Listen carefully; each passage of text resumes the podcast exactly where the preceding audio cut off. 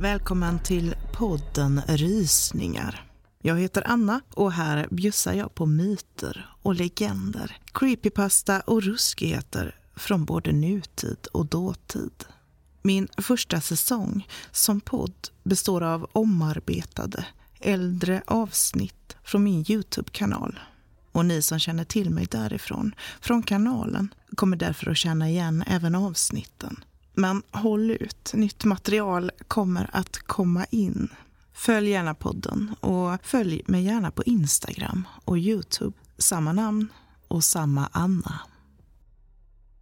Jag håller just nu på att samla ihop lite lyssnarberättelser för säsong två. Så har du någonting att berätta, någonting du har varit med om, någonting paranormalt, någonting skrämmande eller bara underligt, så får du gärna skriva ner och skicka in det. Kanske kommer det att läsas upp här i podden. Eller om du sitter på en skriven berättelse som du vill dela med dig av så kan du mejla det till rysningar78 gmail.com. Detta avsnitt, Hon under ytan, det är en del av en serie i tre delar om vattenväsen. Tidigare har jag släppt Det under ytan och senare i höst kommer även det sista avsnittet Han under ytan. Nu i Hon under ytan så ska vi hälsa på några av de kvinnliga vattenväsen som finns i våran värld samt få en skriven berättelse som berör ämnet. Och kvinnliga väsen är många, så därför har jag fått begränsa mig. Men här kommer i alla fall några. I den fornnordiska mytologin var Ran havets gudinna. Hennes viktigaste redskap var ett nät som hon kunde fånga in sjömän och människor ute till havs med.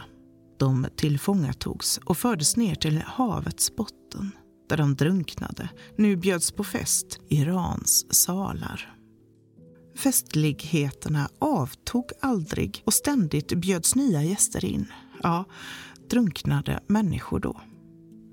Att kalasa tillsammans med Ran, hennes make, jätten Ägir och deras nio döttrar. Döttrarna som alla bar namn av olika typer av vågor.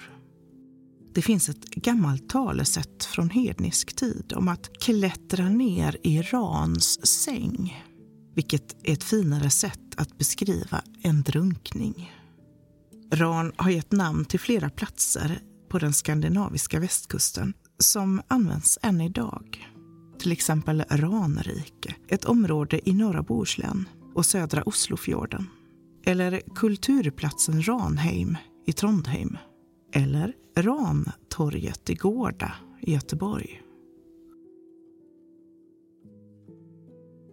I den nordiska folktron förekommer sjörået som är namnet på ett vattenväsen som är naturens rådare över insjö och vattensystem som älvar, bäckar och vattendrag i hennes revir. Besläktad med skogsrået som rådde i skog och mark och precis som henne så ska hon vara en förförisk varelse som gärna lockar människor till sig. Hon visar sig mest för ensamma män som kommer i närheten av hennes vatten. Hon kan ses sitta vid vattenbrynet och kamma sitt långa, böljande hår.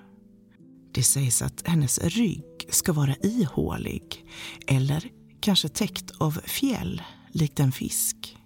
Men ha ben som en människa och inte förväxlas med sjöjungfrur eller sirenen som vi kommer till snart. Hon är ett väsen man bör vara försiktig med. För även om hon inte är en blodtörstig och rent illvillig varelse så kan hon absolut vara farlig och ta dig ner till botten för att dränka dig. Men det skulle troligtvis vara för att du har retat henne eller gjort hennes vatten orätt. Eller kanske något av hennes boskap. Men har du bara otur så är hon på dåligt humör redan eller väldigt hungrig. Ja, jag nämnde boskap, för sjörået har ibland med sig sitt eget boskap. En liten grupp kreatur som kallas för sjönöt eller sjökreatur. Man kan se dem beta vid sjöns strand. Men de kan också visa sig som fiskar i vattnet. Då oftast som gäddor eller abborrar. Så om du fiskar så bör du vara uppmärksam. Fiskar man upp en stor gädda bör man låta den återvända till sjön. Det kan nämligen vara sjöråets skällko som du fått på kroken. Man sägs kunna blidka sjörået genom att offra en gåva till henne. En bit mat eller något att värma sig med. Då kan hon bjuda på god fiskelycka eller varna om oväder till sjöss. Men reta henne inte. Om du vill bli av med henne så sägs hon ogilla stål. Det kan ju vara ett bra tips. Det finns många berättelser om mötet med sjörået. En sägnen berättar om en fiskare som möter just ett sjörå. Fiskaren sitter lugnt i sin båt när han vid vattnets bryn får syn på en vacker kvinna. Hon fryser så och han tycker synd om henne. Han lämnar då henne sina vantar. Och som tack för denna gåva ger hon honom rådet att skyndsamt bege sig mot land. Fiskaren som lyder detta råd hinner knappt i land innan en storm plötsligt kommer över området. Vilket nog hade slutat illa om fiskaren fortfarande hade befunnit sig på sjön.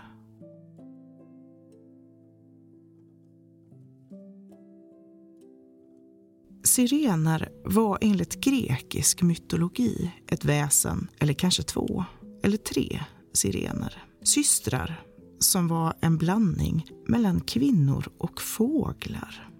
I målningar kan man ofta se fåglar med kvinnohuvuden eller kvinnor med vingar och fågelben. Sirener lockade till sig sjömän med vackra sånger för att sedan döda dem. De var vackra men livsfarliga. Dessa varelser fick sjömän att glömma bort att styra sina skepp. Därför gick de på grund eller sjönk. De sjömän som förtrollades av sången hoppade över bord från sina skepp och simmade i land. Där blev de dödade och uppätna av sirenerna. Eller så tynade de bort medan de lyssnade på deras sånger. Argonauterna, ett gäng hjältar i den grekiska mytologin, lyckades fly undan sirenernas magiska trollsång eftersom de hade en egen musiker med sig på skeppet. Han spelade så vackert på sin lyra att de bara hörde honom. En av dem lyckades dock inte motstå sirenerna. Han hoppade över bord och simmade mot sin död. Afrodite tyckte synd om honom och räddade honom. Men det är en annan historia. Odysseus blev varnad för sirenerna och kom på ett sätt att lyssna på dem samtidigt som han var trygg på sitt skepp. Han lät sig surras fast vid masten och på så sätt kunde han inte simma till dem. Hans män hade stoppat öronen fulla med vax så de kunde inte höra sirenernas vackra sång alls.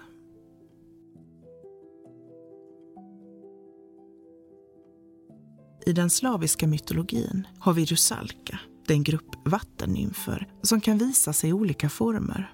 Ibland som drunknande flickor och ibland förföriska kvinnor som, precis som sirenerna, lockar till sig män med vacker sång. De tros leva i stora floder. Ibland på somrarna kan han gömma sig i trädens kronor för att till hösten återgå till vattnet. I den grekiska mytologin är nymfer, alltså vattennymfer, kvinnliga gudaväsen, om så även av lägre rang. De hör till naturen och påminner lite om våra alver. De är unga, vackra kvinnor som strövar omkring under sång och dans. De finns i naturens alla områden och har nära kontakt med de mäktiga gudarna. Bara vattennymferna var många och delades upp i olika namn som nereiderna som främst förknippades med Medelhavet. Najaderna, som var sötvattennymfer. Flodernas potamider och sjöarnas limnader. Titanen Atlas döttrar kallades atlantider och havsnymferna okeanider var alla döttrar till världsdrömmen och Karnos.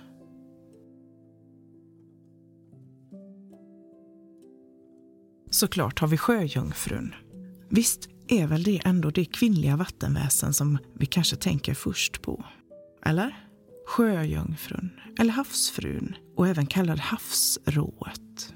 Förknippad som samma väsen, eller tre var och en för sig. Det här väsenet beskrivs som en vacker och erotisk tilltalande kvinna med fiskstjärt som lockar sjömän ner i havet med vacker förtrollande sång. Ursprungligen tros hon komma från sirenerna, som jag nämnde tidigare, och var hälften kvinna och hälften fisk, vilket kanske är mer logiskt just för vattenväsen. Och just sjöjungfrun är ju den som dyker upp oftast för oss i sagor och berättelser, kanske mest av alla vattenväsen. Hemska berättelser om hur hon lurar ner sjömän i havet för att dränka dem. Men i andra berättelser bara för att vilja ha lite sällskap.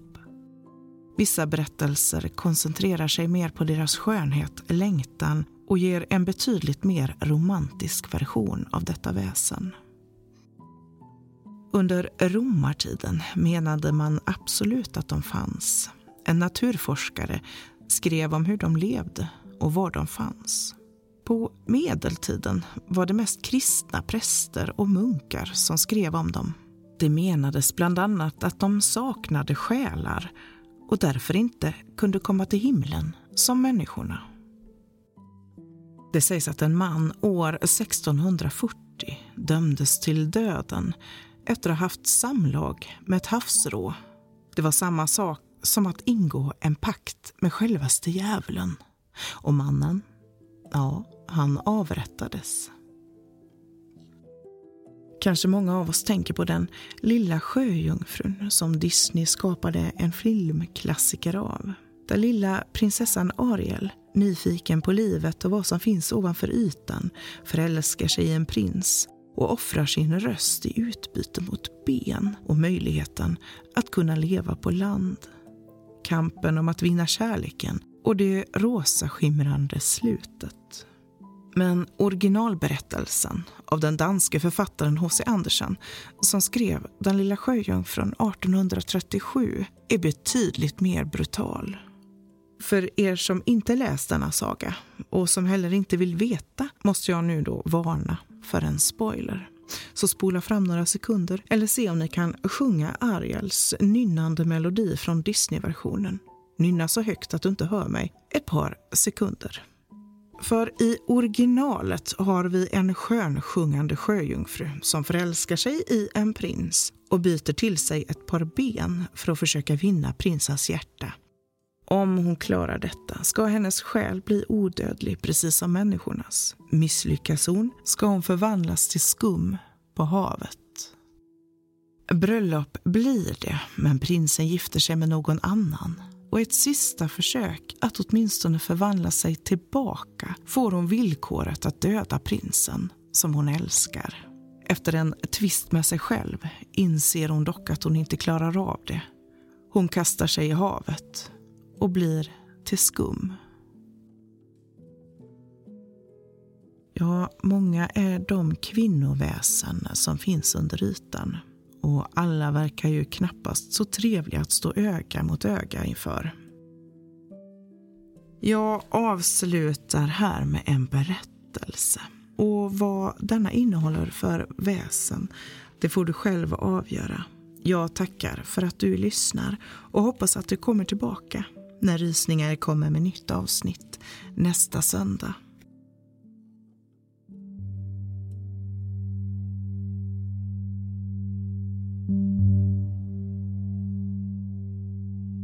Jag skriver detta för jag vet inte hur länge till det ska gå. Det kommer inte att sluta trevligt. Jag är rädd, men jag inser att det inte finns någon väg ut. Jag är trött och jag vet inte om jag har så mycket krafter att kämpa mer. Jag har så mycket att skriva. Allt som skett som jag behöver förklara. Jag hoppas att jag hinner. Kanske kan jag aldrig bli förlåten, men det kan ge svar. Kanske ni kan förstå. Att livet var enkelt innan allt detta, det skulle jag väl inte säga. Allt var en kamp, ansåg jag då i alla fall. Inte nu, när jag verkligen har fått distans till livet som var då. Ja, om jag bara hade kunnat ana.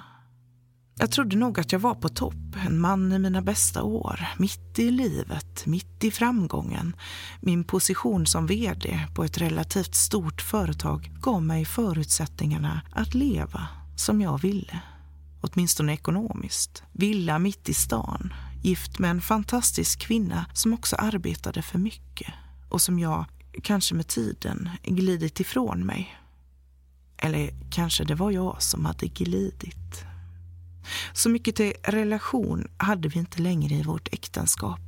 Kärleken brann ut för många år sedan. Men jag tror, av bekvämlighet för alla, så spelade vi en charad av att vara ett bra par.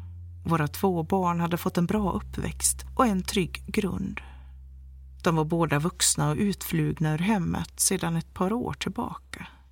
Jag vill att ni barn ska veta att jag älskar er, hur galen ni än tror att jag blivit. För jag vill förklara. Aldrig i min vildaste fantasi hade jag kunnat tro att ett virus skulle kunna förstöra så mycket för mig. För det var väl där det startade med restriktioner och begränsningar som påverkade bolaget. Ett par beslut som jag tog påverkade bolaget i negativ riktning i just fel ögonblick. Och innan jag hann reagera så avsattes jag som vd.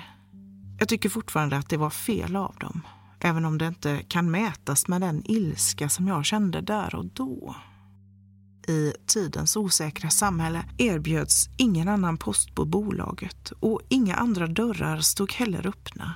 Alla företag skakade just då ekonomiskt, är rädda för vad viruset skulle ställa till med. Och jag det såg inte så bra ut för mig just där och då. Jag hade gett bolaget allt, så mycket tid och slit, tagit historiska beslut och många gånger fått bolaget att stå pall i stormiga ögonblick. Att låta mig gå var fel. Det var ynkligt och fegt. Ekonomiskt var det ingen större fara. Både jag och min fru hade under många år varit höginkomsttagare och på så sätt tryggat vår framtid. Att vi inte tryggat vår relation och äktenskapet var kanske ett större bekymmer. I och med att jag förlorade min post på bolaget beslöt jag mig för att stanna hemma ett tag. Ägna mig åt sånt som jag tidigare ansett mig inte ha hunnit med. Värna mina intressen, skapa mig en fritid. Det var svårt. För en man som har jobbat runt 60 timmar i veckan i åtminstone 15 år. Jag insåg att jag inte hade några intressen att utöva. Inget lockade mig heller att starta upp. Jag blev sittandes hemma. Humöret sjönk, lusten till allt. Livsgnistan tonades ner. Min fru som arbetade inom sjukhusledningen hade under denna tid inte timmar nog på dygnet för att det skulle räcka. Hon arbetade, hon kom hem och gnällde och skällde, suckade, hon åt och sov och återvände sedan till jobbet. Jag upplevde det som att allt bara rasade på några månader. Jag vet inte, det kanske bara var en fasad som hade brustit och öppnat mina ögon. Men Bitterheten och ilskan och hopplösheten kom krypande närmare för varje dag. Jag tog till spriten. Jag började tappa lusten på livet. Jag tog inte hand om mig, eller det runt mig. Jag lät allt förtvina. Tills min dotter en dag kom hem och skällde ut mig efter noter. Hon gormade om livsansvar och skyldigheter om att det var dags att ta tag i livet istället för att supa bort det låta det rinna ut i bitterhet. Och visst, hon hade rätt. Min starka, envisa, kloka dotter fick mig att vakna. Men resan upp ur bitterheten skulle ske in i ett fasansfullt helvete av skräck. Min dotter föreslog att jag skulle åka ut till vårt lantställe. En liten enkel stuga 15 mil från hemstaden. Mitt ute i skogen Långt från bebyggelse, människor, trafik och virus. Stugan, som egentligen min fru ärvt av sina föräldrar, hade ingen el inkopplad. Inte heller något rinnande vatten. Och jag hade många gånger hatat att spendera tid där. mitt ute i urskogen utan möjlighet till uppkoppling till internet, ingen mottagning på telefonen, ingen toalett och ingen möjlighet till dusch. Jag såg ofta till att behöva arbeta de dagar resten av familjen åkte dit, även om jag hade lovat att följa med från början. Akuta situationer på arbetet och blixtinkallade möten gick ju alltid att ordna. Bara jag slapp att åka till den där ensliga stugan mitt ute i ingenstans för att leva och bo som för hundratals år sedan. Utan all den vardagliga bekvämligheten som jag ansåg mig behöva. Men nu med ett sinne tungt som sten var det kanske precis vad jag behövde. Eller kanske ett par veckor i ensamhet, i naturen, i all enkelhet Kanske skulle jag där ute kunna hitta tillbaka till mig själv. Det var värt ett försök. Och ju mer jag tänkte på det, ju mer lät det som en bra idé. Så jag reste dit. Det var precis vad jag gjorde.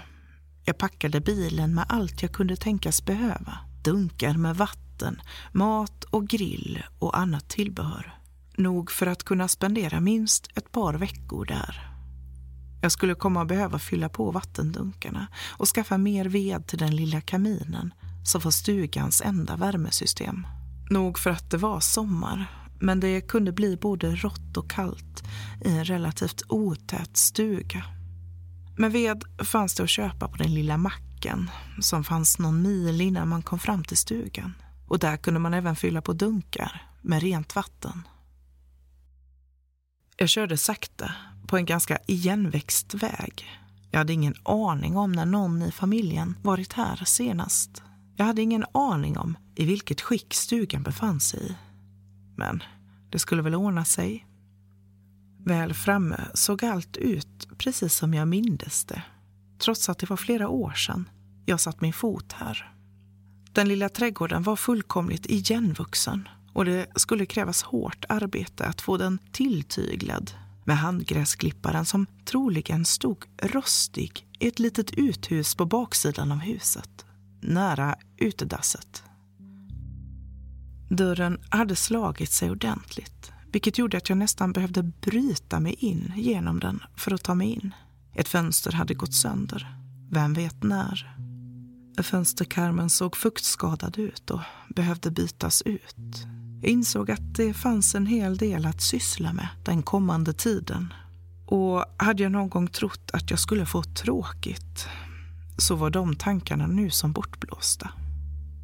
Inomhus hade mössen och fukt festat ordentligt. De flesta textilier, som gardiner och trasmattor, var så nedsmutsade eller mögelangripna eller halvt uppätna att det bara var att kasta. Men jag, jag hade ju tid. Jag hade all tid i världen. Innan jag ens kunde packa ur bilen för att boa in mig i stugan krävdes det att jag kavlade upp ärmarna och tog tag i utrensning och storstädning. Jag ska vara ärlig och säga att det där städet tog mig några dagar och jag måste också erkänna att det var ganska tillfredsställande.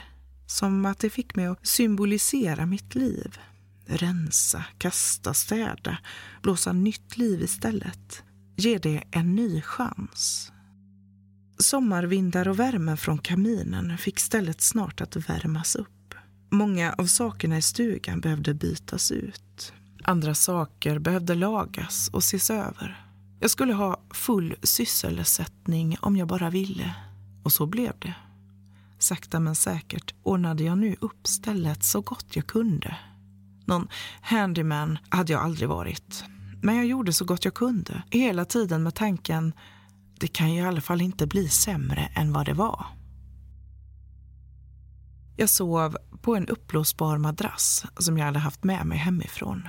Jag tvättade mig i vattnet från dunkarna. Jag lagade mat på grillen eller åt direkt från konservburkar och förpackningar. Jag värmde drycker på kaminen. Utedasset fick vara. Det såg ut att kunna falla samman vilket ögonblick som helst. Men att sköta sina behov ute i det fria var fritt fram när det var milen till civilisationen. I all sin enkelhet började stugan nu bli riktigt fin. Utan någon lyx eller dekorationer så var det både lagom och nu relativt rent. Jag plockade till och med in ett gäng blommor och satte i en konservburk som fick tjäna som vas. Det blev fint vid det lilla slagbordet intill väggen. Det till och med framhävde de tre fotografierna på väggen ovanför. Jag hade försökt hänga dessa ramar rakt, men de hamnade hela tiden på sned. Jag skulle tro att det var min fru som en gång hängt upp dem där. Det första fotot var gammalt men i fint skick och det visade min frus morföräldrar stående vid stugans framsida. Det var de som hade byggt stugan som bostad i unga år. Det andra fotot hade blivit buckligt i sin inramning, troligtvis farit illa av fuktigheten genom åren i stugan. Det var en bild på barnen, min son och min dotter, kanske fem och sju år. De lekte på golvet inne i stugan. Såg ut som om de spelade ett spel, kanske. Fullt upptagna av lek och varandra. Omedvetna om fotografen eller att just denna stund skulle bli förevigad. Det tredje och största fotot var på mig och min fru. Vår bröllopsbild. Uppstyltade i kostym och brudklänning med brudbuketten i högsta hugg och leenden som gick från öra till öra. Så unga och fina vi var. Så lyckliga, så förhoppningsfulla på livet tillsammans. Minnena svepte förbi och skar som små rakblad i mig. På något sätt kändes det som jag hade blivit lurad. Hade jag trott den där gången att livet skulle fortsätta så där vackert och spännande? Vad fanns kvar av det nu? Ingenting. Bara någon form av ett skal. Jag valde att försöka inte se på fotot framöver.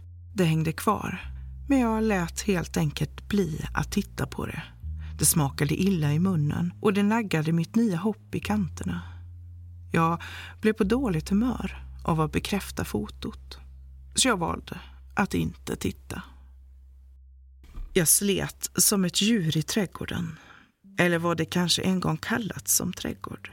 Inte för att jag hade något större trädgårdsintresse men för att försöka få ner den ängsliknande växtligheten som en gång varit mer av en gräsmatta. Ja, det var jobb nog. Men jag njöt av att låta kroppen arbeta och inte behöva titta på klockan eller finnas tillgänglig för någon. Även om bitterheten och ensamheten gjorde sig påmind emellanåt. Stunderna mellan att de gjorde det började dock glesna. Men så arbetade jag också hårt med att försöka få det fint runt mig.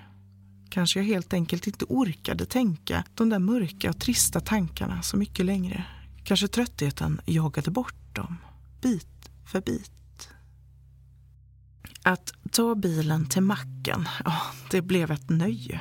Kanske kunde man kalla det mer för en liten lanthandel egentligen. För de hade det mesta av det man absolut kunde behöva köpa.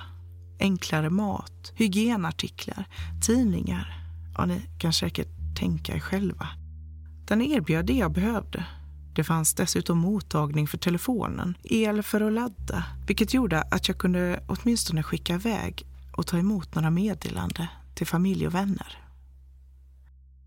Jag vet inte hur många dagar jag hade varit vid stugan när jag mindes att det någonstans i närheten skulle finnas en liten sjö där barnen badat när de var små.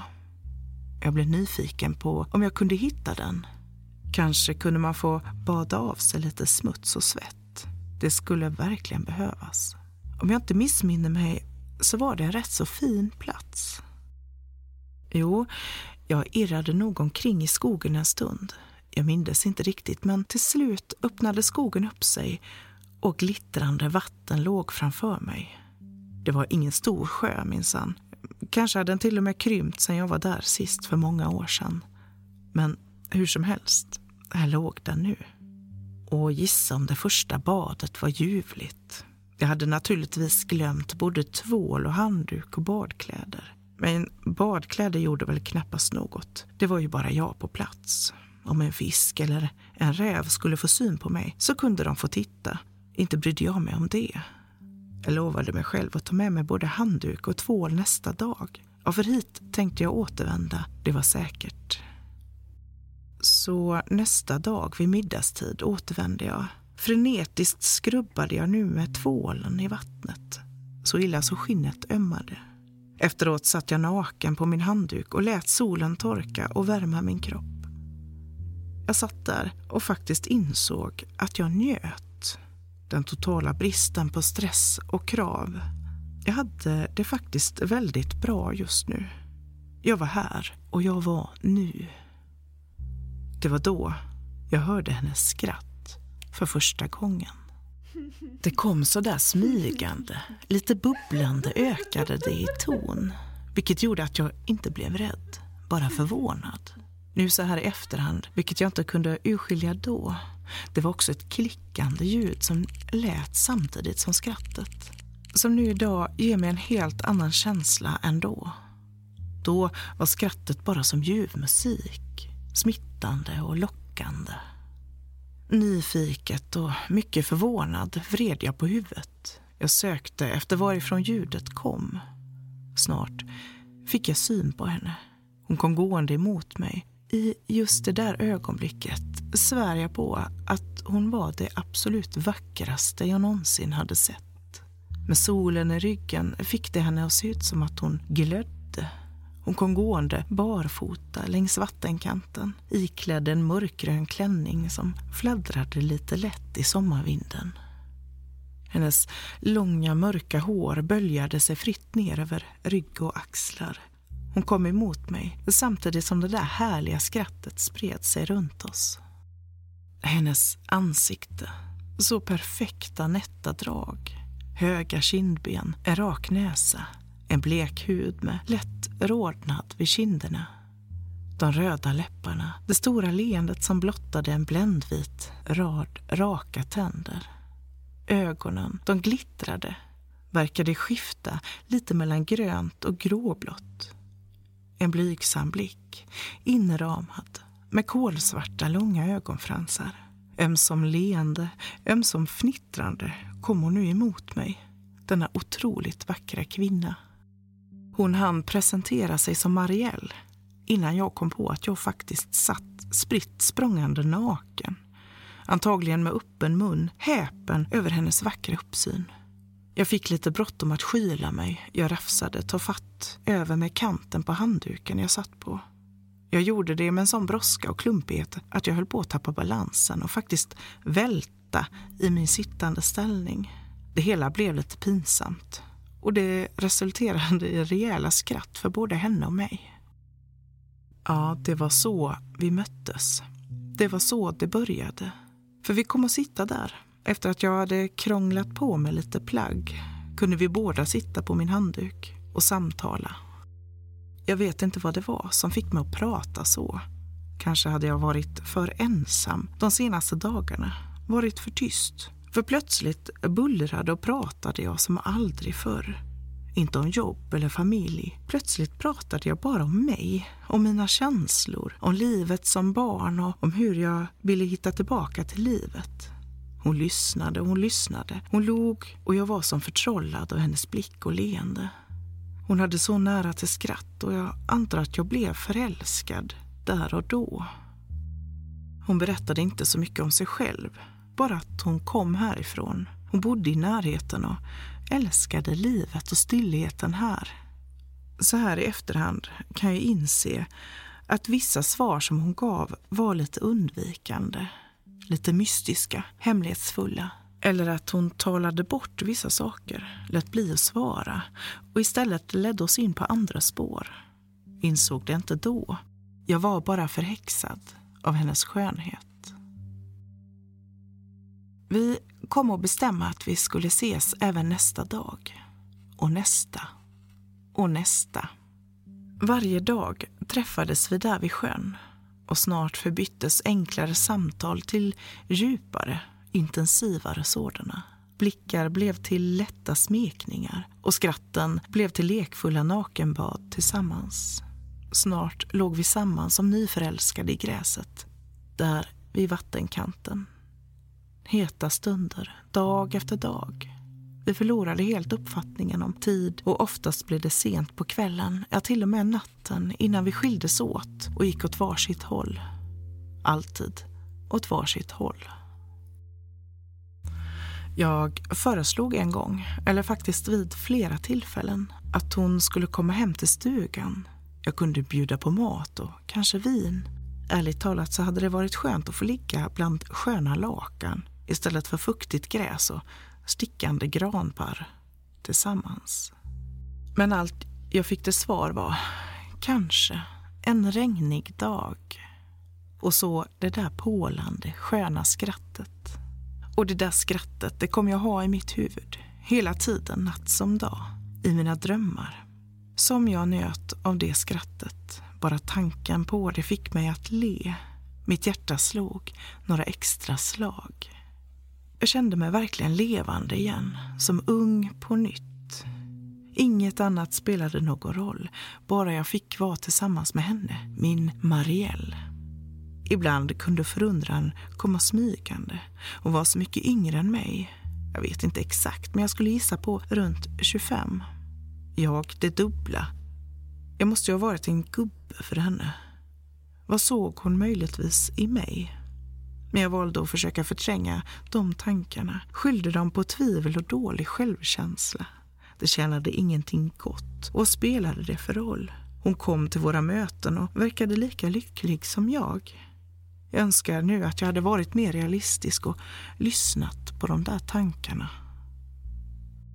Alla dagar jag hittills hade spenderat i stugan, vilket nu borde vara närmare tre veckor, hade det varit solsken och varmt varenda dag. Vi hade mötts vid sjön varenda dag vid middagstid. Men en morgon vaknade jag upp till smattret av regn som slog mot stugans fönster. Morgonen var mörk och himlen var tung av mörka, blågrå moln. Och regnet verkade inte ge med sig. Jag hade hoppats på att det skulle avta, sluta och spricka upp till sol igen. Otålig som ett litet barn ville jag inte missa ett enda möte med Marielle. Det var fortfarande bara förmiddag, men jag bestämde mig för att ändå bege mig ner mot sjön senare i ösregn och lermark. Hoppades på att även hon skulle trotsa vädret och vilja ses. Min kropp och själ längtade efter henne varje sekund vi inte var tillsammans. Mina tankar endast fokuserade på henne, som en tonåring. Jag vet, jag vet. Jag mådde bättre än jag hade gjort på mycket länge. Kanske bättre än jag någonsin gjort. Då knackade det på dörren. Med långa steg gick jag för att öppna och jag visste, jag visste så väl vem som skulle stå där på andra sidan dörren. Och mycket riktigt, där stod hon med sitt bländande leende och med glittrande ögon, förunderligt skiftande mellan blått och grönt. Som när solsken spelar mellan lövverken i ett träd och kastar skuggor och lyser upp om vartannat. Men idag var det inget solsken. Det var grått och ruggigt och regnet fortsatte att strila ner från himlen. Marielle stod i dörröppningen och log. Jag sa ju att det skulle komma en dag när det regnade och så spred sig det där härliga bubblande skrattet som smittade så. Totalt dyngsur av regnet klev hon in i stugan. Hennes långa hår hängde tungt mot hennes rygg, droppade hennes klänning smetade sig blött mot kroppen. Allt det blöta fick hennes hud att se skimrande ut. Även här var hon helt enkelt det vackraste jag hade sett. Vi slösade ingen tid. Vi föll i varandras armar. Lite senare vandrade Marielle runt i stugan, frågade om den, ville veta mer om allt. Hon log när hon såg den vissna buketten blommor på det lilla bordet intill väggen. Hon tittade upp på fotografierna och stelnade till. Frågande vände hon ansiktet mot mig medan hon pekade och kalla ilningar gick genom min kropp. Jag insåg att jag inte nämnt ett ord om att jag var gift, att jag hade fru och barn. Jag harklade mig lite. Jag svalde. Hur fasen skulle jag förklara detta? Jag hade inte ens tänkt tanken. Helt glömt bort mitt liv i staden. Bara haft ögon för henne. Bara velat vara med henne och leva i nuet. Tog ett steg fram mot henne bad henne lyssna på mig. Då skedde det mest sjuka jag någonsin sett. Den vackra, lite alvliknande kvinnan började sakta ändra ögonfärg. Från de glittrande blågröna till mörka grå. Något såg ut att röra sig i irisarna. Det såg ut som att jag stirrade in i en tornado eller en havsvirvel. I samma ögonblick som jag tog ett steg tillbaka i rena förskräckelsen insåg jag att det inte bara var ögonen som ändrade sig. Hennes hår, det mjuka svallet, började nu likna grönaktigt sjögräs. Blött, raspigt såg det ut. Nyanserna av grönt och svart. I stugan spred sig nu en lukt av ruttet, som stillastående vatten kan lukta. Hennes tidigare så vackra hud började se svampig och gråaktig ut. Jag hann inte reflektera så mycket innan hon med ett vrål av ilska kastade sig över mig och vi båda slog i golvet. Vrålet som kom ur hennes mun verkade vara för evigt, djupt, gurglande som från avgrunden. I fallet kunde jag se hur hennes mun var fylld av rader av vassa tänder och lukten som kom emot mig var så vedervärdig att jag hade kräkts om jag inte hade haft så fullt upp med att falla och vara vettskrämd. Jag kunde känna hur något som klor grävde sig in i min hud. Herregud, vad var det som hände? Hennes hud som kom nära min när vi landade. Jag kunde känna hur den var iskall och slemmig. Du är min, vrålade hon mot mitt ansikte om och om igen. Du är min, du är min, du är min. Det klickande ljudet hördes samtidigt som det mörka, djupa vrålet ekade i stugan. Det rungade mina öron bedövande. I den stunden måste min förlamning av förvåning, chock, ha förbytts. För med alla mina krafter knuffade jag nu detta monster som krälade uppe på mig, iväg, bort från mig.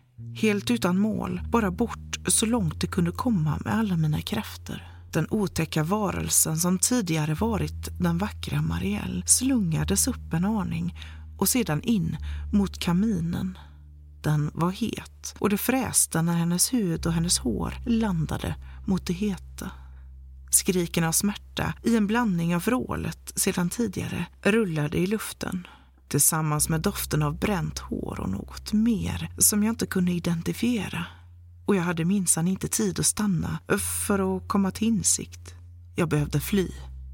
Så i panik kom jag mig upp på golvet. Jag välte möbler och snubblade och sprang mot dörren. Jag flög ut genom dörren, men just då kände jag hur någonting rev mig över ryggen. Som om klor försökte hindra min framfart. Jag kommer att ta dig. Jag kommer. Du är min, fräste det bakom mig medan jag sprang för livet, bokstavligt talat. Jag slängde upp bildörren och kunde tack och lov starta då nyckeln satt kvar i bilen. I en rivstart for bilen fram så fort det gick på den smala igenväxta skogsvägen. Regnet gjorde sikten dålig och chocken i mig skapade ett slags tunnelseende. Då hörde jag klickandet igen och sedan skrattet. Marielles skratt, men det som förut varit så klingande, bubblande vackert var nu skrämmande, ekande och fick blodet att isa i min kropp. Sedan började knackningarna. Från bilens utsida, uppifrån taket, underifrån, från sidorna och från rutorna. Överallt samtidigt. Högt och hårt knackade det samtidigt som jag hörde klickljuden och det där rullande, dova skrattet. Jag kommer att få dig. Jag kommer att ta dig. Jag trampade gasen allt hårdare i botten och skrek. Jag skrek och skrek i ren panik och rädsla. Jag minns inte riktigt, men jag måste ju ha kört hem. Hem till villan i stan.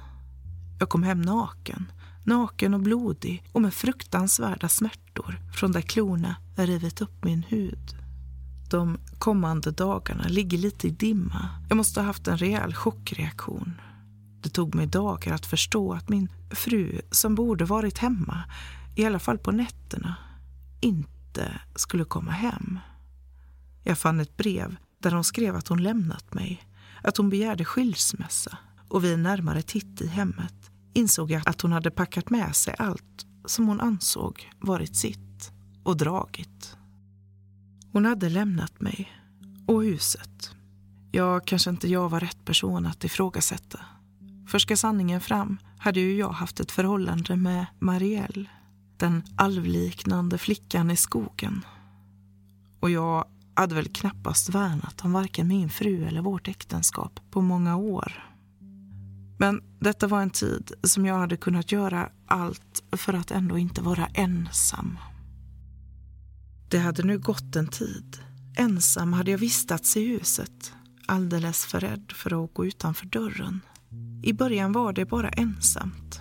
Mina sår på ryggen och där varelsens klor punkterat mig läkte sakta, även om smärtan var hemsk. Idag finns bara ärren kvar. Ett tag tvivlade jag till och med på att jag hade upplevt de där veckorna i stugan och framförallt den där regniga dagen som fick mig att fly i panik. Att jag drömde all världens mardrömmar från den dagen jag kom hem är kanske inte så underligt. Nästan varje natt vaknade jag skrikandes, genomsvettig och totalt livrädd. Men en natt vaknade jag av att jag hörde klickljud. Det gick rysningar i mig och min hjärna arbetade hårt med att hitta anledningen till det ljud som jag så starkt förknippade med Marielle. Sen kom knackningarna. Först på rutan till sovrummet. Snart spred de sig till väggarna, golvet och taket. Och skrattet. Detta sjuka skratt som hemsökte mig, det ljöd nu i rummet när jag var vaken. Hon var här. Hon hade hittat hit. Smattret från rutan, det fick mig att inse att det regnade ganska kraftigt. Kanske kom hon med regnet. Det knackade och bankade. Det klickade så det ekade. Jag höll för mina öron och blundade så hårt jag bara kunde. Och bara skrek rätt ut. Hur länge jag satt där i sängen och skrek, det vet jag inte. Men när jag i ren utmattning tystnade så insåg jag att det var tyst. Inga knackningar eller bankande, inget klickande, inga skratt. Och inget regn mot rutan. Allt var stilla och tyst. Dagen därpå var första gången jag hörde det från rören. Jag hällde upp vatten från kranen när jag hörde det. Dovt först, men som sedan ökade i styrka.